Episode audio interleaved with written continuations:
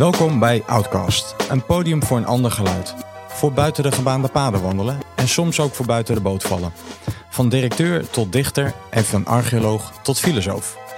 En vandaag is in uh, Outcast te gast Philip Bayeur.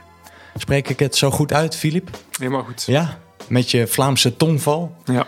En ehm, even zo op de eerste plaats, ik vind het enorm leuk dat je hier bent in Outcast. Ik kijk hier al een hele tijd naar uit.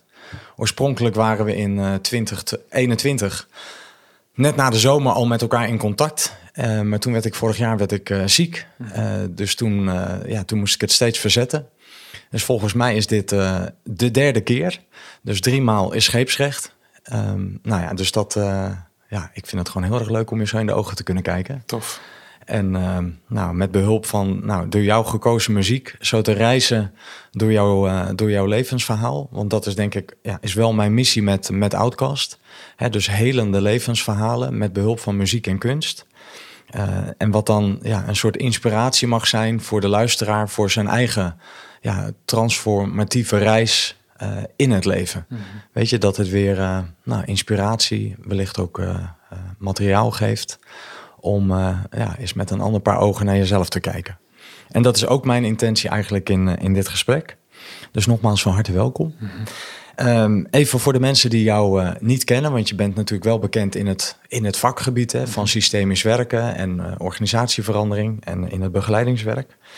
Maar jij bent gids voor organisatievernieuwing, je bent coach, je bent spreker, je bent docent.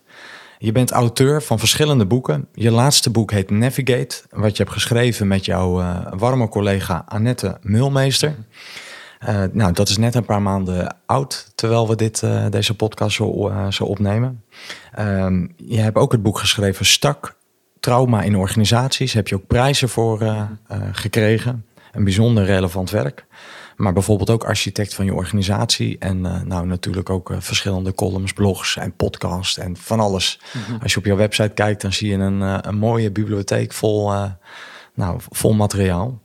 Um, nou, en ja, je bent Vlaming.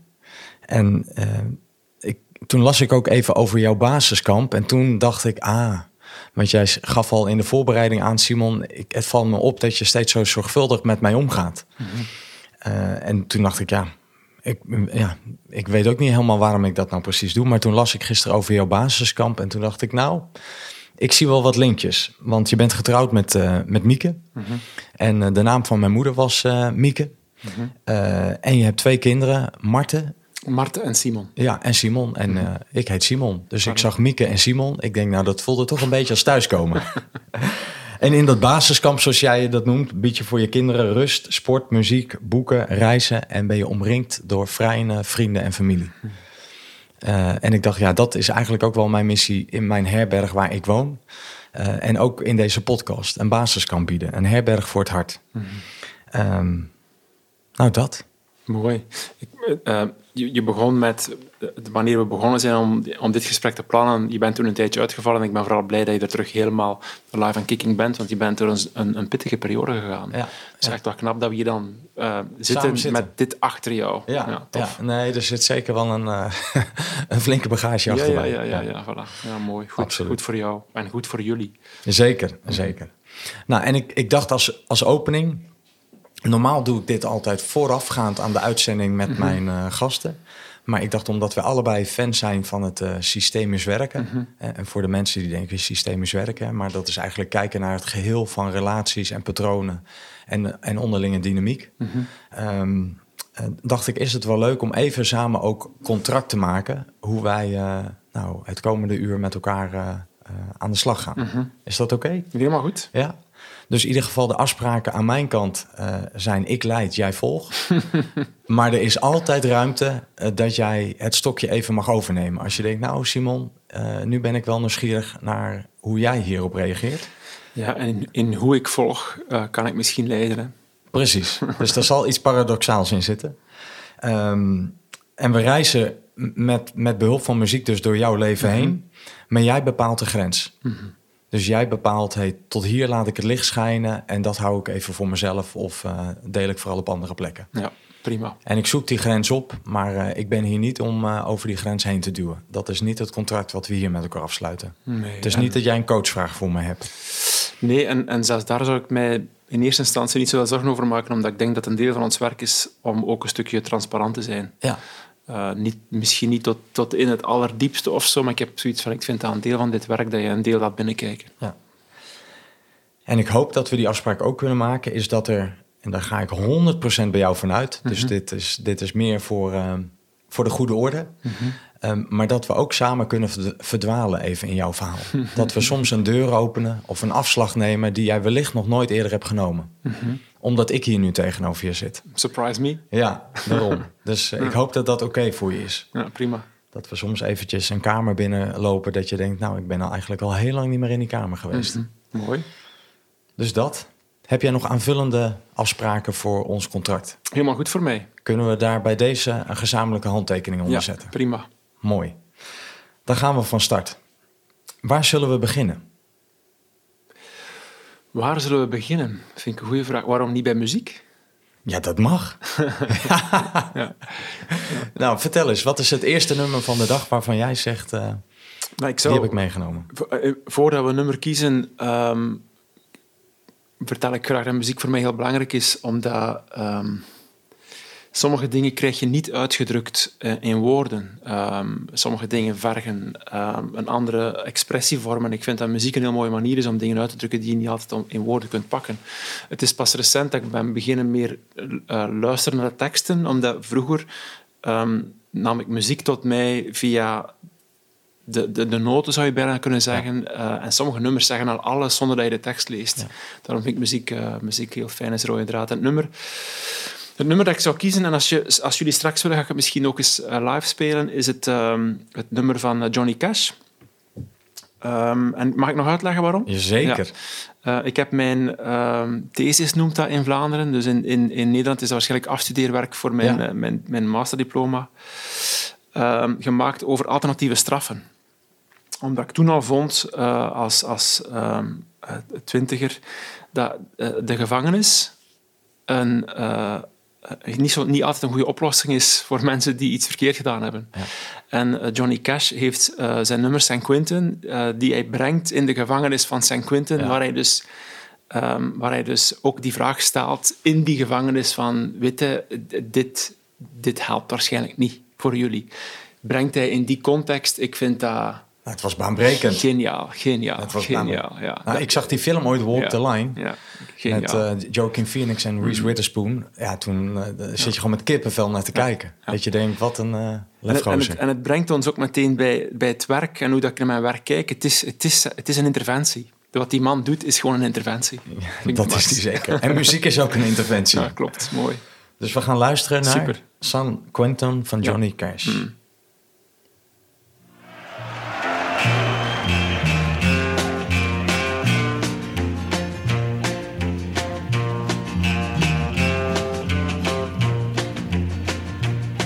San Quentin, you've been living hell to me.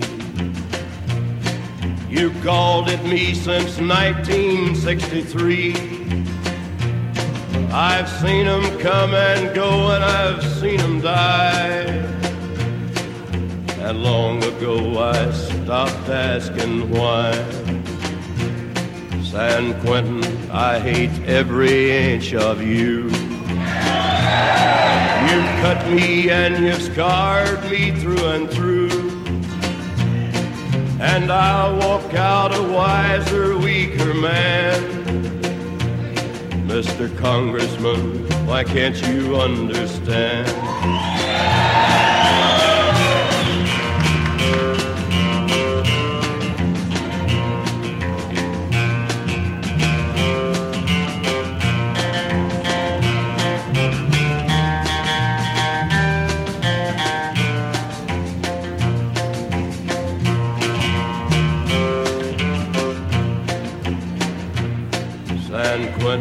What good do you think you do? Do you think that I'll be different when you're through? You bend my heart and mind and you warp my soul. Your stone walls turn my blood a little cold. San Quentin, may you rot and burn in hell. May your walls fall and may I live to tell. May all the world forget you ever stood. And the whole world will regret you did no good. San Quentin, you've been living hell to me.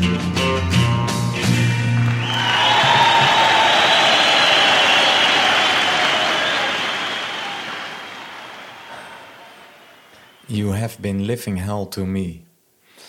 Ja, hij zingt wel even de rauwe rand. Dat is Johnny Cash. hè. Ja, dat is, dat is hij. In het zwart. Ja, Johnny Cash is verbonden met het donker van de maatschappij en, en, en geeft dat een stem.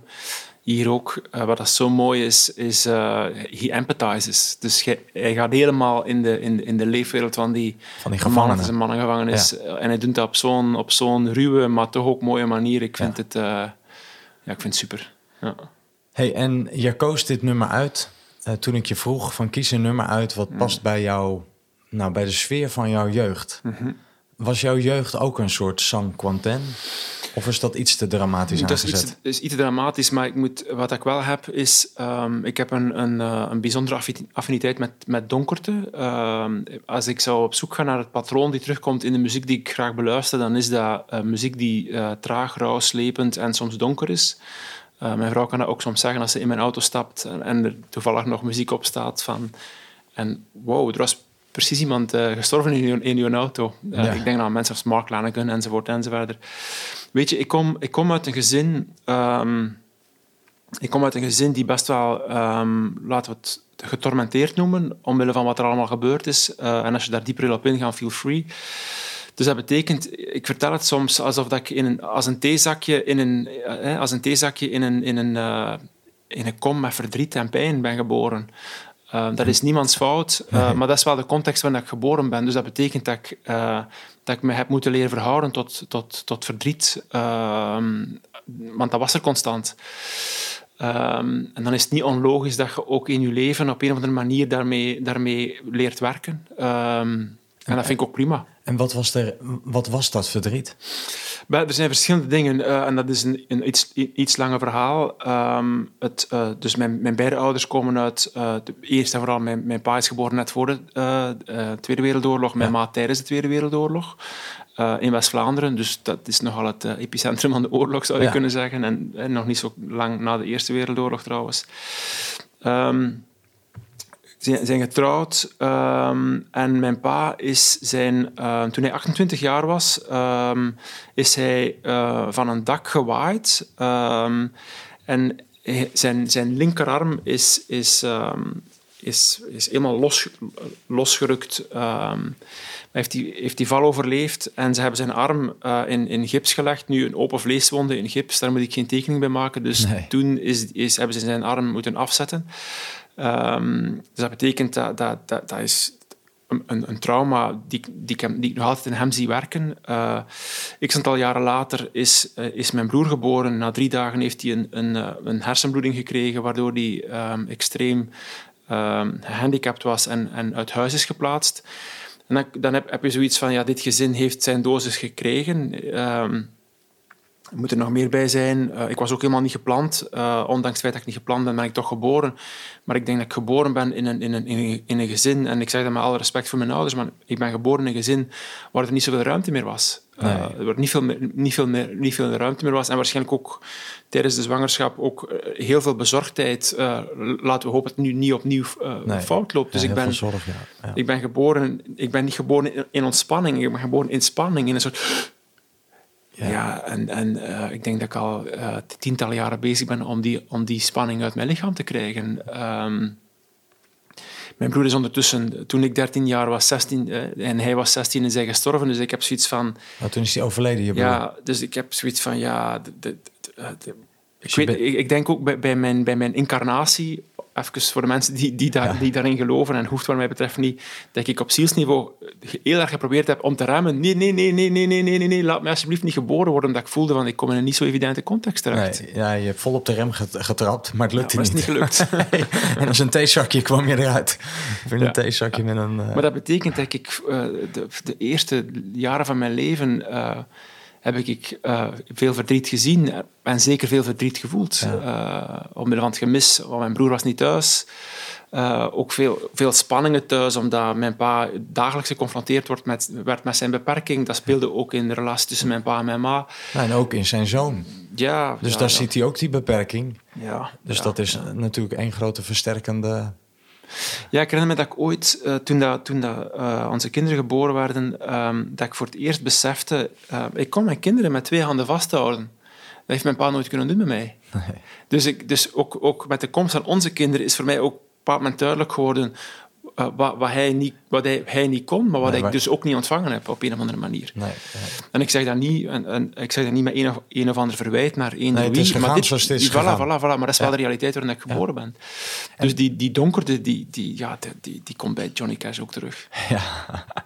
ja, dus het is voortdurend troostende muziek ook ergens voor jou. Ja. Dat je denkt, hé, hey, daar kan ik even in thuiskomen. Want dat doet me zo terugdenken aan, aan vroeger, die rauwheid. Ja. En, en welk antwoord heb jij daar als kind in jouw gedrag op geformuleerd... om, om je eigenlijk staande te houden in... in hè, je benoemde al het theezakje, maar hoe zag het theezakje eruit qua gedrag? Ik denk ehm, het, het, het eerste, eh, en daar is, dat is volgens mij dan ook eh, eh, bijzonder betekend geweest in het werken, hoe dat ik het doe. Ik denk dat ik ehm, haarfijn eh, de grenzen van een systeem voel. En met de grenzen van een systeem voel, eh, als het gaat over trauma, dus ik ben geboren in een nest met trauma.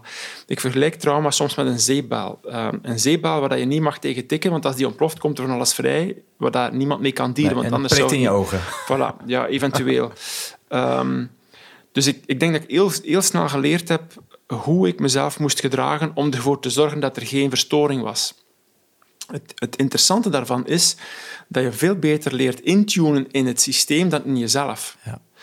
Uh, dus het heeft mij ook, um, het, het, heeft mij ook jaren gekost om, om in mezelf te leren intunen. Ik, ik, uh, een anekdote die ik vaak vertel is... Uh, als, als, als mijn vrouw mij vraagt wat wil je om te eten, dan um, wist ik het gewoon niet.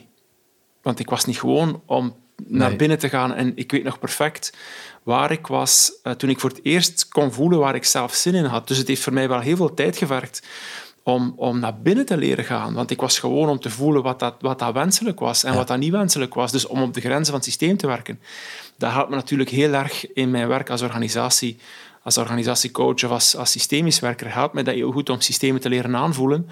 Het verschil met nu is dat ik iets meer leer intappen op wat dat voor mij daarin belangrijk Ja. is, in plaats van mij volledig aan te passen. Ja, ja. Die zeepbel en een theezakje. Het is wel leuk dat je ook van de beeldtaal bent. Ja, ik ben een beelddenker. En Ja, een- ik ook. Ja, ja, ja, ik ben een Ik beelddenker. moet mezelf altijd een beetje inhouden, want als ik echt los ga, dan eh, raken mensen nogal eens de draad kwijt. Ja, ja. Maar het, het, het spreekt tot de verbeelding als je er zo over praat. Dat ik dan denk, hey, dat is dus dat antwoord wat je erop hebt geformuleerd. Ja.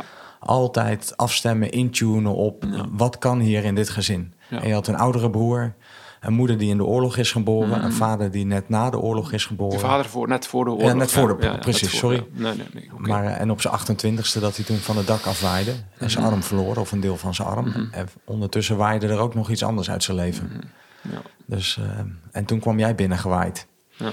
En dat was toch even eh, nou, andere koek. Ja, wat, dat je dan, wat dat je dan ook probeert, eh, en dan kom je bij zo'n term als parentificatie, die ik eigenlijk niet zo graag gebruik. Eh, als, als kind ga je dan impliciet eh, zorgen voor het gezin. Ik herinner mij ooit jaren geleden dat mijn pa ook tegen mij zei, en dat, dat was een erkenning en tegelijkertijd ook wel een, een, een bevestiging van hoe dat voor mij is geweest. Hij zei op een moment ook tegen mij, jij hebt ons recht gehouden. Maar bedoel, het is niet de bedoeling dat een kind het gezin recht houdt. Nee. Eh, ehm, dus dat is een fijne erkenning, maar tegelijkertijd ook zoiets van...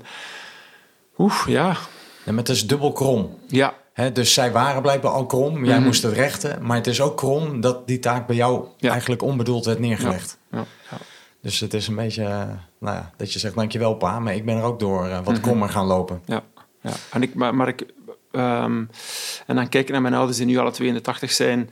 Ehm, eh, ik, ik, herhaal dat een paar keer. Hè. Het is ook zoeken, want je wil, je, wil, je wil op sommige moment ook bijna boos zijn op je ouders.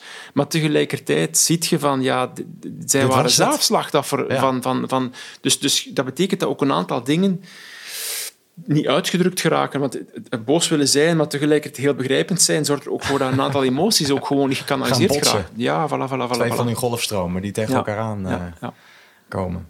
He- Heb je met je ouders daar nog wel gesprekken over kunnen voeren? Ehm, ja, dat, er, dat er wellicht iets heelde? Wa- Goh. wa- Waren ze ontvankelijk om hun eigen aandeel aan te kijken... die ze hebben gehad in die gezinssituatie? Ik, ehm, ik ga ik be- beperkt ehm, eigenlijk het, het, eh, wat, wat, wat mij hierin leidt, en misschien is dat niet het juiste, maar wat, waar mij hierin leidt, is van ik wil hen daar niet meer lastigvallen. Ik, ik, ehm, ehm, af en toe eh, raakte, raakte maar ik merk dat zij nog, eh, en dat is oké voor mij, en ik kan dat ook begrijpen, ik merk dat zij nog heel erg in, in hun eh, pijn en verdriet zitten.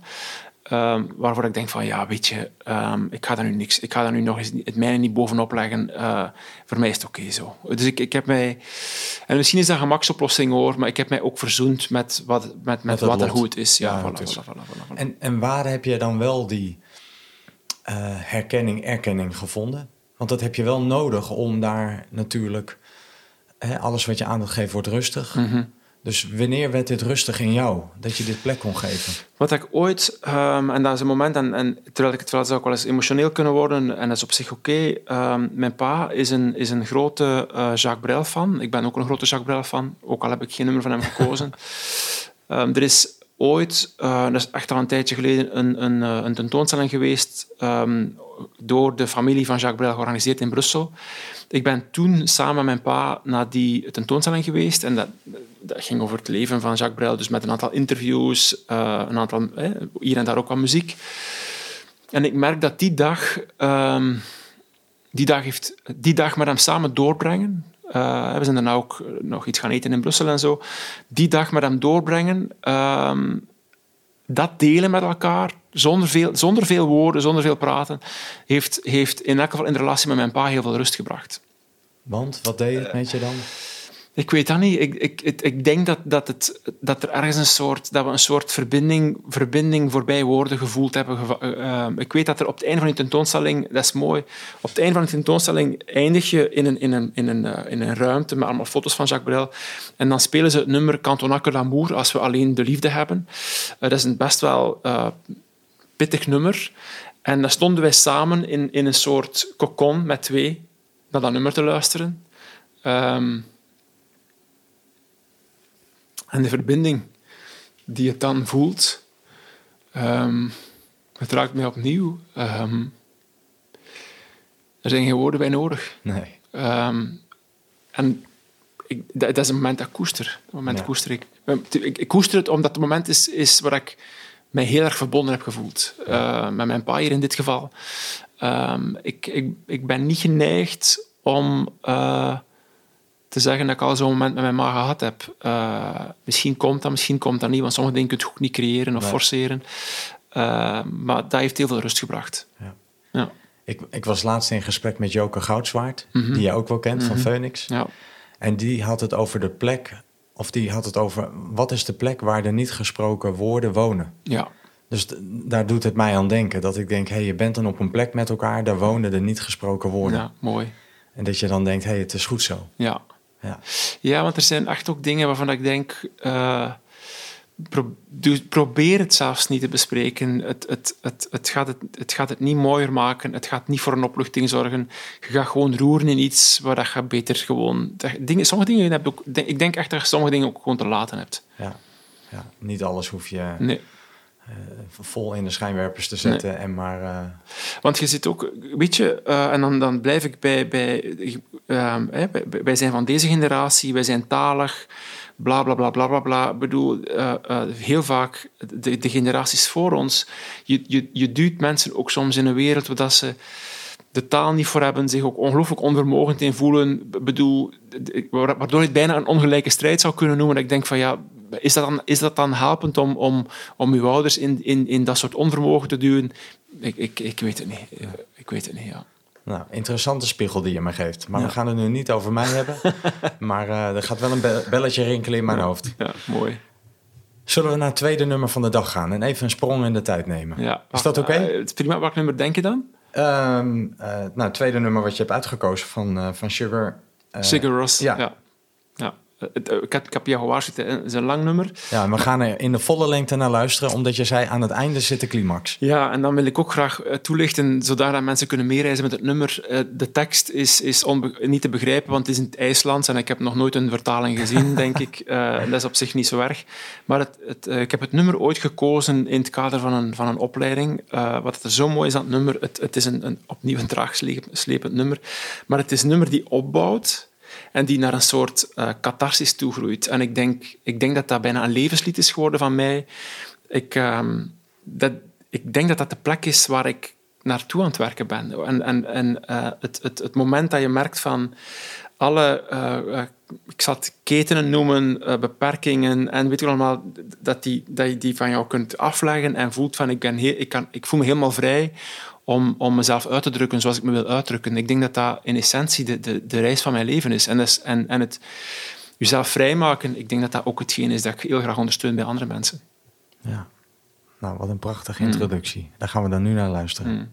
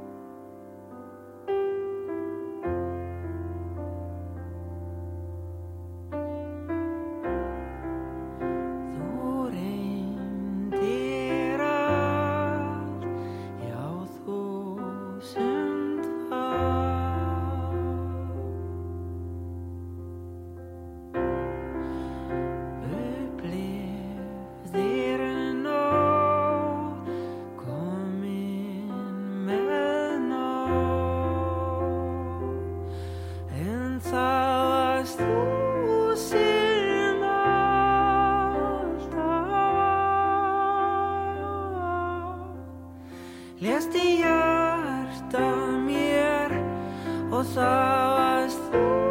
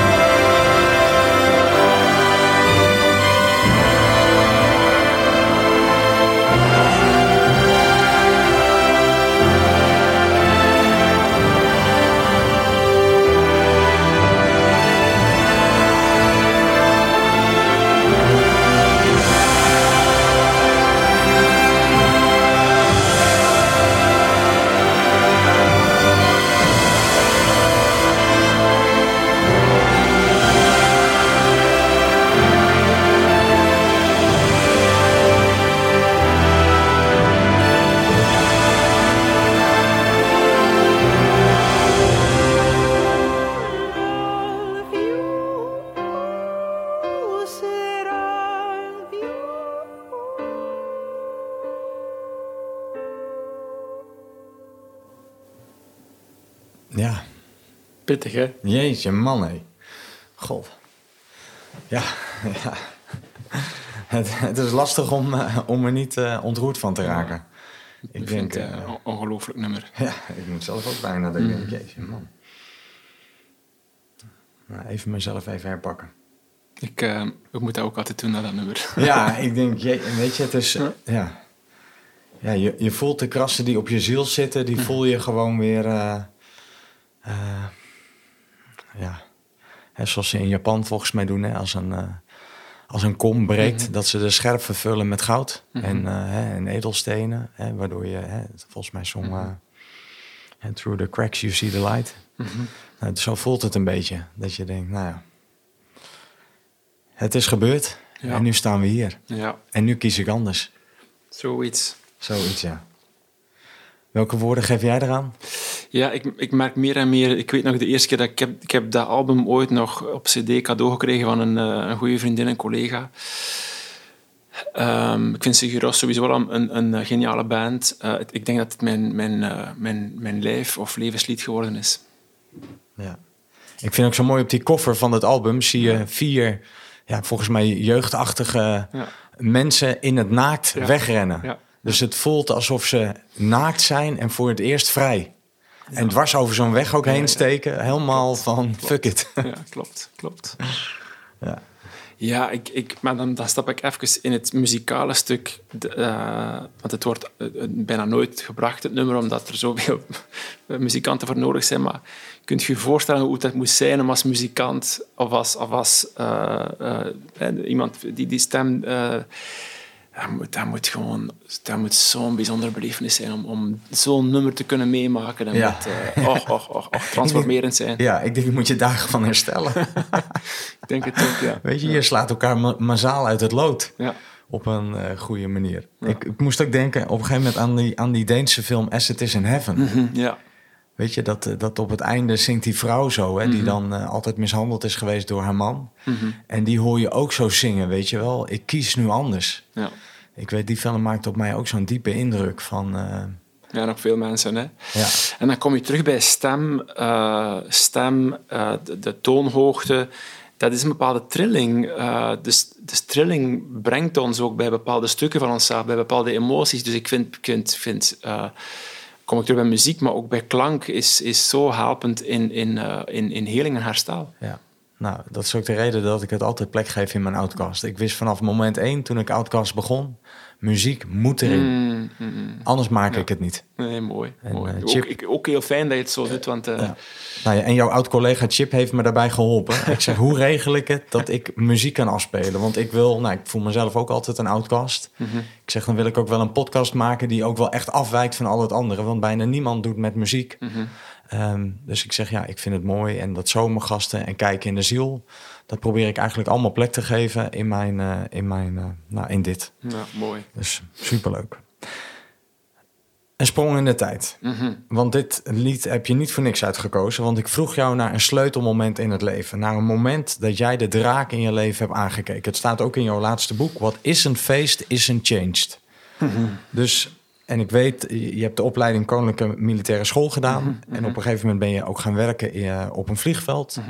En toen heb je in 1996 iets eh, verschrikkelijks meegemaakt. Ik weet niet of dat kantelmoment daarbij hoort. Ik denk het wel. Ehm, ik denk het wel. Ehm, dus het, het, de, de crash van de CH-06, want zo, wat, het eh, nummer van het vliegtuig, een C-130 van de Belgische luchtmacht. Ik was toen pers- personeelsverantwoordelijke ehm, op, eh, op, op een luchtmachtbasis. En ehm, in de namiddag eh, was ik nog een koffie aan het drinken met Dimitri. Dat was een van de twee piloten, de jongste piloot van de twee. Ehm, dat vliegtuig vertrok naar Italië en moest een, een, eh, een muziekkapel, Nederlandse muzikanten, jonge muzikanten trouwens, gaan ophalen in Nederland. In, in, wat zeg ik, Nederland, in Italië. En hij was aan het praten met mij over... over hij, was aan het, hij was aan het praten met mij over zijn vriendin en, en er was iets met zijn vriendin en bla bla. En hij zei tegen mij... Ik, ehm, maar het, het is gewoon een op en af naar Italië, dus ik, kom, ik spring zo nog even binnen om verder te, om verder te vertellen. Dat vliegtuig is gecrashed eh, in, in Eindhoven. Er is van alles gebeurd, waardoor dat er eh, ook heel veel fout gelopen is aan beide kanten. Ehm, en daar moeten we nu niet dieper op ingaan. Ehm, maar onze, onze wing, eh, en dat gaat natuurlijk ook voor de mensen, de Nederlandse mensen in Eindhoven enzovoort enzovoort. Uh, maar onze wing is daardoor zwaar geïmpacteerd. Ehm, ik denk dat we daar relatief goed mee zijn omgegaan. Mede omdat een organisatie als, als het, het leger, de krijgsmacht, ook wel ervaring heeft met dat soort dingen. Ja. Um, maar er zijn best wel veel slachtoffers toen gevallen. Ja, er, er, waren um, een, eh, dus alle mensen, de crew waren Belgen, die waren allemaal gestorven. En in de, in de, in de laadruimte uh, zijn, uh, zijn een aantal mensen gestorven, maar de meeste zijn gestikt of verkoold, omdat bij het landen uh, moest toen in die periode nog niet doorgegeven worden dat er mensen in de laadruimte waren. Dus men wist veel te laat op de luchthaven van Eindhoven dat er mensen in de laadruimte waren. Dus dat betekent dat uh, ambulances, brandweer, ehm, volgens, volgens mij ehm, ook een stukje te laat zijn gekomen, waardoor dat er zoveel slachtoffers zijn gevallen. Um, nu, daar is voldoende onderzoek naar geweest en daar moeten we het nu niet over hebben. maar dat is een, een, een, een ja, het is pijn aan de kant van België. Aan de kant van Nederland is dat heel veel pijn heeft dat opgeleverd natuurlijk. En er zijn nog regelmatig herdenkingen trouwens. Nu dan ben ik gevraagd om, um, om getraind te worden in het brengen van slecht nieuws, omdat de manier waarop dat de nabestaanden van de slachtoffers zijn gecontacteerd is heel klungelig gelopen.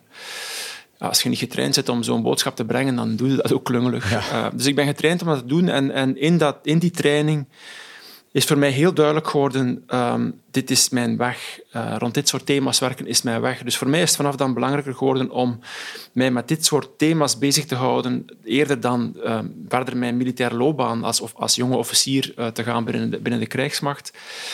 En ik weet nog perfect ik ben, ben toen meer en meer beginnen verdiepen in dat soort uh, thematiek, communicatie, groepsdynamica enzovoort enzovoort. En ik weet nog perfect waar ik was Um, en ik, ik had een, een, beeld, ik kreeg een beeld dat ik een, berg aan het beklimmen was. Um, en, ik, uh, en er was een, een, een, een, hangbrug tussen deze berg waar ik op was en een andere berg. Met de stem uh, die zei van uh, dit, is de laatste, dit is de laatste passerel of dit is de laatste hangbrug naar een andere berg. Het was voor mij zo'n duidelijk signaal. Als je, als je van route wilt veranderen, dan moet je het nu doen, want anders hoe langer, dat, ja, hoe langer dat je in zo'n organisatie blijft, hoe moeilijker dat is ook om, er, om er ook uit te stappen. Dus ik ben vertrokken net voor ik kapitein zou worden. Um, en ik ben nog steeds dankbaar voor wat ik allemaal geleerd heb binnen, binnen het kader van de, van de krijgsmacht, want ik ben 14 jaar militair geweest. Maar ik ben tegelijkertijd ook blij dat ik dat signaal serieus genomen heb. En ik ben ook blij dat ik dat soort signalen in mijn leven nog serieus neem. Want ik zeg dat vaak aan mensen die mij kennen, weten dat. Um, ik laat mij gidsen. Ik, ik laat mij gidsen. Wie of wat mij gidst, I don't know. Uh, en ik hoef het op zich ook niet te weten. Maar ik, ik, uh, ik kies niet wat ik doe. Ik laat me echt wel uh, gidsen. En dat is voor mij zo'n moment dat ik denk van... Och, ik ben zo blij dat ik, um, dat, dat soort uh, signalen toen, toelaat, of serieus, neem, ook kan voelen hoe dat die in mijn lijf resoneren. Want dit, dit is hoe dat ik de route, de route vind in mijn leven. Uh, en dat is voor mij zo'n kantelpunt geweest waarbij dat ik mijn, mijn, mijn leven en mijn loopbaan eigenlijk uh, radicaal omgegooid heb. Is misschien het positieve van de zeepbel? Uh, dat is, hoe bedoel je dat? Nou, omdat je zo ontvankelijk bent voor de mm. tekens van het leven. Ja. Ja. En de tekens van het leven die jij kreeg in het gezin waarin je werd mm -hmm. geboren, waren vooral heel verdrietig, heel mm-hmm. pijnlijk. Um, maar laterop in je leven blijf je wel diezelfde gevoeligheid houden voor bepaalde tekens. Ja, dus wat ik vaak... Dus ik, ik begeleid opstellingen en ik leid opstellers op. En vaak kijken mensen naar mij... Filip, hoe komt je er nu bij om dat op te stellen? Ja, ik, ik, kan, ik kan niet anders zeggen dan... En dat klinkt misschien heel spiriwiri of, of woolly of whatever.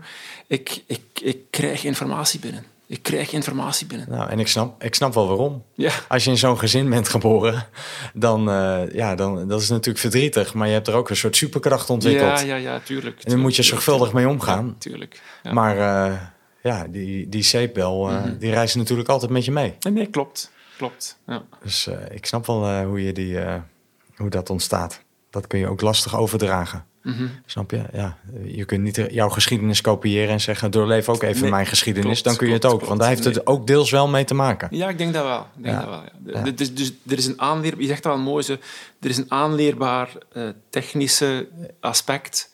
En er is een deel die ook een stukje bepaald wordt door jouw wiring, door Ja. jouw geschiedenis. Dat klopt, ja. Ja, Nou, mooi om dat even teruggespiegeld te krijgen. ja ik, althans mijn werkhypothese hoor. Maar Mm. dat roept het zo even in me op als ik naar je luister. Ja, mooi. Anders klinkt het zo zweverig. Ik denk, nou, het is niet zweverig.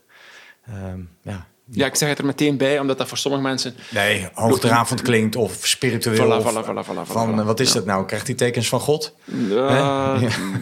Zo, zou ik ze niet, zo zou ik ze niet vertalen. Nee, nee. Dus dat was zo'n belangrijk moment in je leven. Mhm. Die hangbrug tussen die twee bruggen. En dat je dacht, ja, blijf ik hier of ga ik een sprong Ja. wagen? Ja, en het gekke is, eh, en daar heb ik, eh, en dan komen we bij het lijfelijke. Ehm, ik lijk een heel mentaal iemand. Eh, ik, ik praat ook graag, enzovoort, enzovoort. Maar mijn lijf is echt een belangrijke klankkast die, die, die resoneert op dingen. En ik vertrouw dat ook. Ik vertrouw ook... Ik vertrouw de feedback die ik van mijn lijf krijg, vertrouw ik ook in het maken van keuzes. Ehm, dus in die zin is mijn lijf en de signaal die ik uit mijn lijf krijg echt wel een soort eh, somatisch kompas. Ja. Ja. Zo'n matisch kompas. Ja. Mooi, leuke term. Om dat te duiden, ja. Nou, herkenbaar. nou, ik ben ook altijd nog zoekende naar hoe, gebruik ik, hoe luister ik goed naar mijn Mhm. lichaam. Welke tip heb je daarin? Goh, wat, dat, wat dat interessant is, is eh, er is niet zoiets als het alfabet eh, dat je kunt delen met iedereen. Dus je hebt echt je eigen lichaam te eiken. En, en ik denk dat een goede manier om je lichaam te eiken eh, zit in de hoek van, van mindfulness, meditatie, zodanig dat je het neutrale punt van je lichaam leert kennen. Want als je het neutrale punt van je lichaam kent, dan leer je ook afwijkingen voelen. Ja. En de vervolgende stap is dat je, dat je dan, ik zou bijna durven zeggen, dat je bijna een soort dagboekje bijhoudt, eh, waarbij dat je ook signalen begint te eiken. Ik krijg een aantal fysieke signalen die ik ondertussen, waarvan ik weet, als ik dat in mijn lijf voel, ehm, ja, dan, dan heb ik dan heb ik dit of dat te doen. Of dan gaat het in relatie met met met een coachie bijvoorbeeld, dan, dan gaat het waarschijnlijk daarover of daarover. Eh, een, een, een, een handige instap is bijvoorbeeld ook u, u een klein beetje verdiepen in de chakras. Ik bedoel, als, als je meer spanning voelt rond je keel, dan is dat andere informatie dan als je meer spanning voelt rond je solar plexus bijvoorbeeld. Dus eh, ehm, gebruik een aantal van die concepten die reeds bestaan en verfijn ze vervolgens, want jouw lijf is nog net iets anders dan het lijf van iemand anders natuurlijk. Ja. We hebben allemaal een ander somatisch kompas. Ja, ja, ja. ja. Ja, grappig zeg, leuk. ik was gewoon nieuwsgierig. Ik denk, hoe kan ik daarmee oefenen? En ik denk misschien dat de luisteraar ook wel denkt van... ja, hoe gebruik je nou je lichaam als... eh, Ja, maar let er maar eens op. Ehm, eh, eh, de laatste, ik zou zeggen de laatste vijf à tien jaar is het, is het meer fysiek werken. Echt aan het, je zou ook bijna kunnen zeggen, aan het hypen. Aan het opkomen. Maar hypen is ook vaak... eh, is niet zomaar... eh, het, het, de reden waarom dat het li- het lijf terug belangrijker wordt, is omdat we, we gaan onze lijven meer nodig hebben om verschillende redenen. En een van de redenen is... Als je wil navigeren in complexiteit, dan is jouw lichaam en de informatie die van jouw lichaam komt bijzonder belangrijk. Met- Met, met jouw hoofd alleen loop je vast in complexiteit. ja.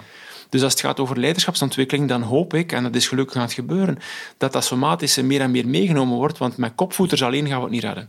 Hoe noem je dat? Met Kop, kopvoeters, dat zijn... kopvoeters? Kopvoeters zijn, zijn eh, eh, eh, mensen die hun lichaam zien als de wielen waar het hoofd op rondreist. kopvoeters. Kopvoeters, ja. Dus ons lichaam is, heeft ook een intelligentie. Ons lichaam is veel meer dan het voertuig waarop, waar ons Duidelijk. hoofd op, ons, op, op rondreist. Hè? Filip, je punt is duidelijk. Ja, oké. Kortom, gebruik je lichaam als een Ja. somatisch kompas. Voilà.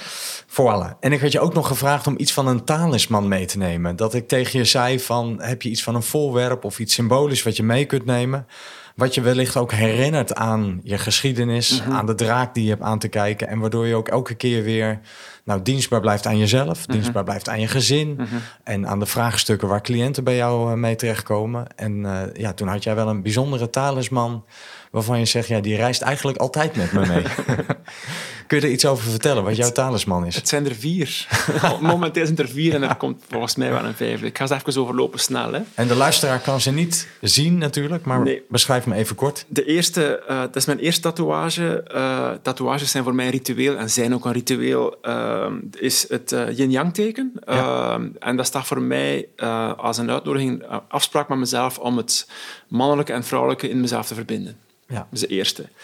De tweede is deze eh, Japanse kers. Eh, en de Japanse kers staat symbool voor eh, ja, geniet ervan als het er is. Ehm, ik denk dan bijvoorbeeld aan mensen die heel de vakantie foto's aan het nemen zijn om dan nadien naar de foto's te kijken. Ja. Ik heb zoiets aan, neem geen foto's. Eh, ab- hier. ab- absorb it now. Ja. Net hetzelfde met concerten. Mensen die het concert opnemen. Ik heb zoiets van, ga dan doen? Ga dan thuis kijken? Kijk hier. Ja, nee, dat Ehm, herkenbaar. ik heb er hier, hier nog een. Op je eh, borst? ja, eh, en die staat voor hoe dat ons denken ons soms helemaal kan troubleren, totdat je plots de denkbubbels waarin dat we dan van alles voelen kunt loslaten. Dat is een denkbubbel die explodeert. En dan komt er terug lichtheid. Dus heel veel van, van, van, van de pijn die we, die we voor onszelf creëren, zijn, zijn, zijn denkbubbels en gedachten. En dan de laatste, dat is de meest recente. Dat is een, een scepter. Dat is een lang verhaal, dat ga ik nu niet helemaal doen. Maar dat is de scepter die gelinkt is aan de hindoe-god eh, Hanuman. En als je je verdiept in de hindoe-god eh, Hanuman, dan eh, kom je bij een... een ja, dat, ik, ik heb zoiets van... Ja, dit is ook een stukje... eh, eh, de hindoe-god Hanuman, Hanuman staat voor het terugbrengen van stukken van de ziel. Ja, dat is het werk dat ik doe. Dat is het werk dat ik doe en dat is ook het werk dat ik heel graag doe. Vandaar deze. Terugbrengen van stukken van de ziel. stukken van de ziel terugbrengen. Eh, dat, is ook wat dat, dat, komt ook uit het shamanisme. Hè. En er komt waarschijnlijk binnenkort nog een nieuwe en dat zal een, een, een libelle zijn omwille van de eh facetogen. Facetogen zijn de met meerdere perspectieven naar de werkelijkheid kijken. Mooi. En als je dan toch al één hebt, dan is het toch om zeep, dan kan je maar beter doorgaan. Hè. Om zeep. En de zeepbel komt weer terug. Ja, voilà. Nou, leuk. Nou, en ik, weet je toevallig waar het woord eh, tatoeage vandaan komt? Geen idee. Geen idee. Want dat, dat vind ik dan leuk om van tevoren een beetje uit te puzzelen van wat is de herkomst van bepaalde muziek. Want ik zit al die mails van mijn gasten, zit ik voortdurend een beetje uit te pluizen welke taal kiezen zij. En daar ga ik dan van tevoren een beetje onderzoek eh, naar doen.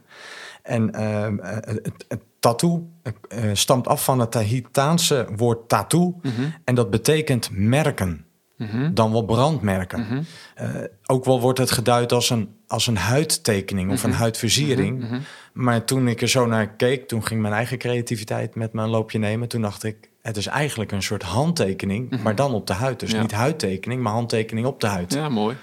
Ja, let er eens op. Je kan zo soms heel eh, ruwe... eh, eh, ik ga het even bij mannen houden tegenkomen waarvan dat je denkt van... Wow, daar ga ik liever geen gesprek mee aan. Met, met, met allerlei tattoos. Ja. Is doen. Aan zo iemand vragen van... Die tattoo vertel eens. Ja. Je ontroering. Bijna altijd ontroering. Dat is zo mooi. Nee, want het is een handtekening Ja. onder een bijzondere ervaring Ja, of gebeurtenis ja, in het leven. Kinderen, vrouwen, eh, mensen die zijn weggevallen of een club waar ze Yes. met hart en ziel voor gaan. Yes. Ja, nee, dat is en natuurlijk heb je er af en toe waar mensen van zeggen van ja, ja, die had je er niet nu moeten uithalen, want die heb ik laten zetten toen ik bla bla bla bla bla. bla. Maar de meeste tattoos is- hangt er een heel mooi verhaal achter. Ja, prachtig. Nou, we gaan naar het laatste nummer van de dag wat je hebt meegenomen. Van Queens of the Stone Age. Wat kun je daar even als korte ondertitel bij geven? Ehm, Josh Homme, eh, een, ja, het is een van mijn favoriete artiesten. Eh, het nummer The Vampire of Time and Memory zingt hij. Dat nummer gaat over trauma. Dat nummer gaat over trauma en over het feit dat trauma jou blijft achtervolgen, eh, if you like it or not. Dat drukt hij uit op een heel pure manier. Ja. Nou, dat is inderdaad een mooie korte ondertitel. Daar gaan we naar luisteren. Queens of the Stone Age and the Vampire of Time and Memory.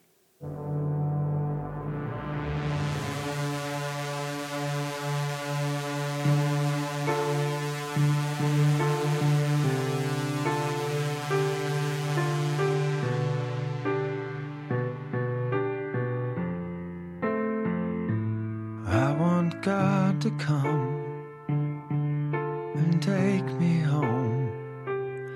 Cause I'm all alone in this crowd. Who are you to me? Who am I supposed to be? Not exactly sure. anymore. Mm, where's this going to?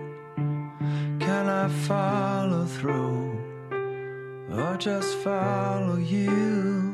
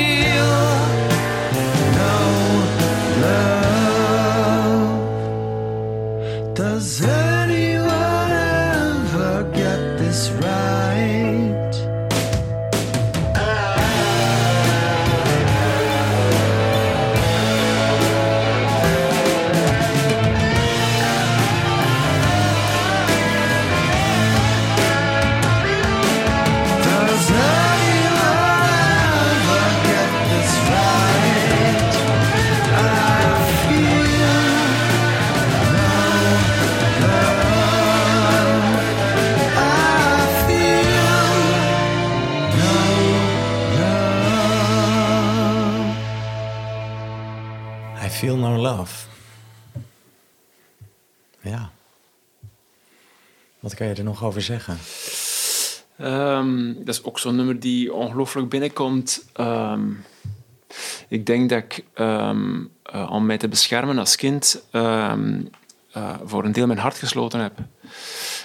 En dat een deel van mijn, mijn, mijn reis als, als mens, als man, onder andere gaat over mijn hart terug leren openen. Maar in het begin, als je je hart opent, eh, als er veel verdriet is, dan is hetgeen dat je voelt verdriet. Verdriet en pijn. Dus dat betekent dat je de mate dat je je hart terug kunt openen, eh, eh, gereguleerd geraakt door de mate dat je het verdriet, eh, die nog te verwerken is, kunt processen. Dus Ja. dat betekent dat dat een, een, een traag proces is. En dat klinkt nu even eh, waarschijnlijk hè, als luisteraar problematisch van amai, die man zijn hart is dik en zo. Ik denk, dat je, ik denk dat je niet wil weten hoeveel mensen op deze planeet rondlopen met een gesloten hart. Ja. Eh, het is niet zomaar dat er, eh, dat er zoveel vernieling, armoede en is, omdat er zoveel mensen met een gesloten hart rondlopen. Dus ik heb zoiets van... ehm, laten we allemaal maar even eh, af en toe de tijd nemen om te kijken van in welke mate is mijn hart nu open en, en, en wat heb ik nodig om het, om het helemaal open te kunnen, te kunnen zetten. Ehm, want dat is volgens mij ook iets, iets dat we, dat we ehm, Weet, je, bij te dragen hebben. weet jij trouwens wat het, waar het woord held van afkomstig is? Ah, mogelijk is het gelinkt aan wat ik net verteld, geen idee. Ja, want ik, jij en ik zijn denk ik allebei bekend met het boek eh, van Joseph Campbell, hè, De Reis van de Held. Mhm, ja. Wat denk ik in veel eh, leiderschapsprogramma's zo terugkomt. Hè. Mhm. Ja, een prachtig boek, volgens mij geschreven in 1948 al. Ook wel de Bijbel van Hollywood genoemd. Mhm, Omdat het als blauwdruk voor films is eh, gaan werken. Maar laatst onderzocht ik van waar komt dat woord held Mhm. van, vandaan. En het stamt af van het Welse woord gehard. Mhm. Met een D. Ah, kijk. En in mijn optiek gaat de reis van de held in al die verhalen over... van gehard naar een D naar gehard met een T.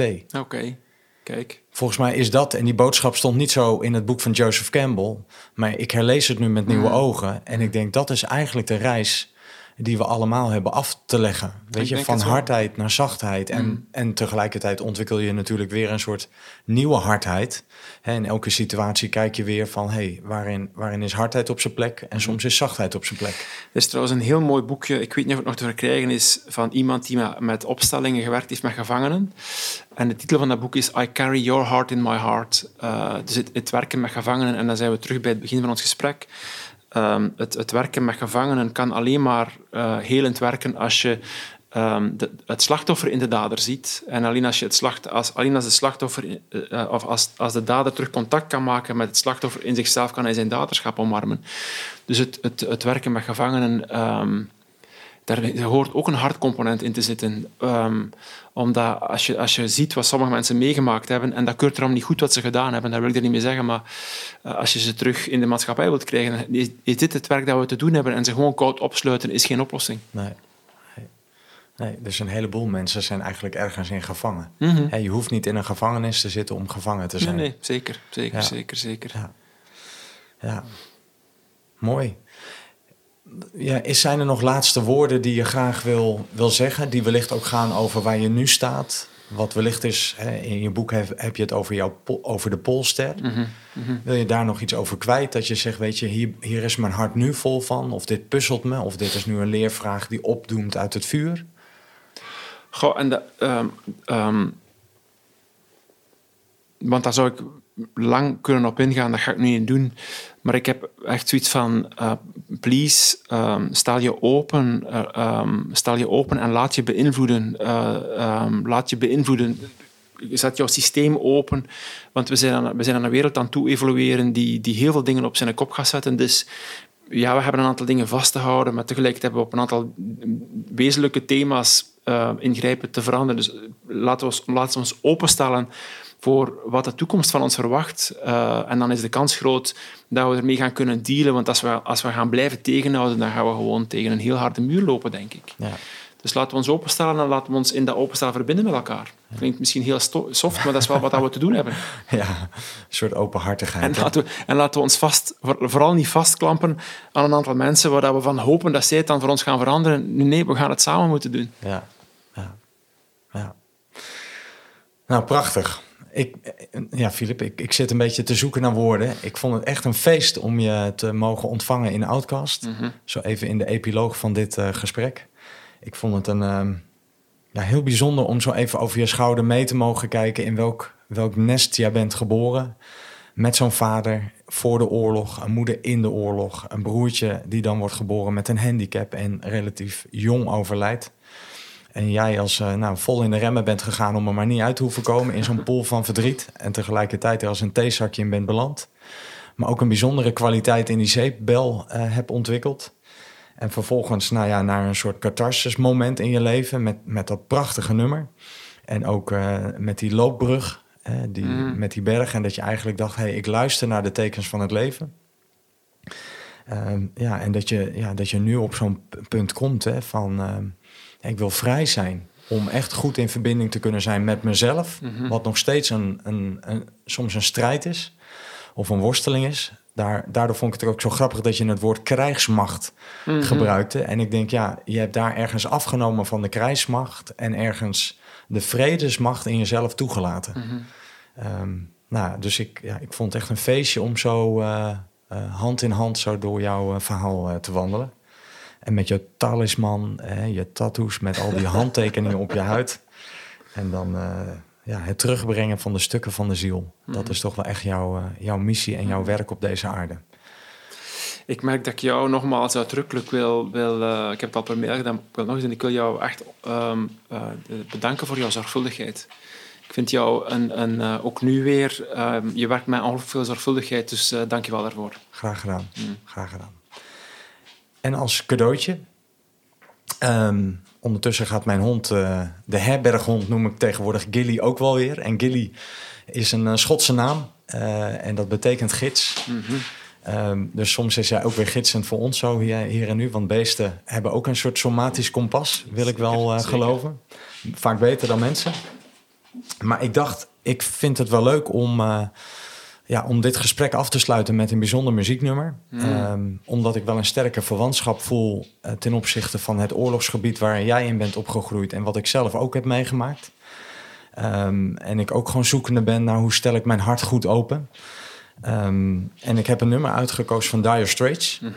Eh, en Mark Knopfler heeft eh, dit nummer geschreven in 1982. Het heet Brothers in Arms. Wauw. Eh, en jij als militair zal dit nummer ongetwijfeld goed kennen, want het is vaak geschreven voor strijdmakkers die oorlog hebben meegemaakt, waarvan eigenlijk niemand weet hoe het precies was. En dit nummer herinnert hen eraan van zo was het daar. We kunnen er geen woorden aan geven, maar eigenlijk dat moment wat jij met je vader hebt beleefd, eh, dat bood dan vaak dit nummer voor eh, ja, militairen en veteranen. En voor de muzikanten is Mark Knopfler de king of triads. Hè? Ja, het is gewoon een, eh, nou, ja, een feest. En hij, Brothers in Arms, schreef hij dus in 1982 ten tijde van de Falklandoorlog hè, tussen, de, tussen Verenigd Koninkrijk en Argentinië. En eh, van horen zeggen van de overle- overlevering, schijnbaar heeft zijn vader toen gezegd: Brothers in Arms. Wauw. Van het zijn allebei broeders. En waarom vechten ze nu met elkaar? Ja, zonde. Waar, waarom Zonde. vechten ze nu met elkaar? Het zijn allebei mensen. Ehm, nou, en ik, ik dacht als een cadeautje voor jou en Heel ook mooi. ter afsluiting en eh, ook ter afsluiting naar de luisteraar. Bedankt voor het luisteren weer naar deze outcast met eh Philip Bayeur. Bekijk vooral zijn website, zijn mooie boeken en al het materiaal waar hij mee bezig is. Eh, in mijn optiek een hele bijzondere vakman.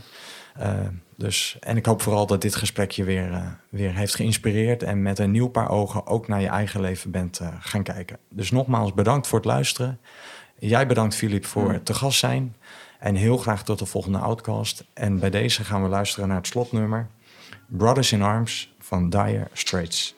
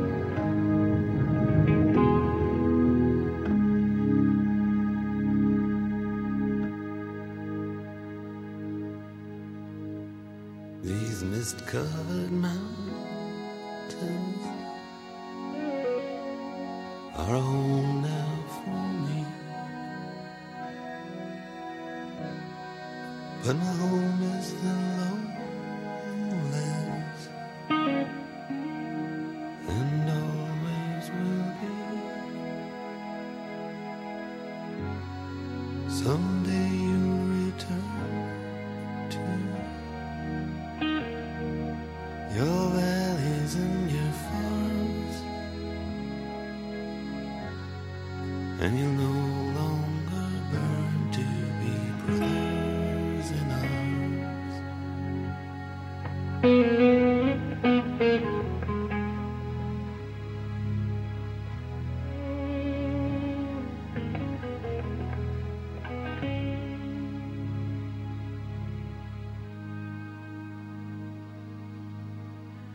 Through these fields of destruction, baptisms of fire. I've witnessed your suffering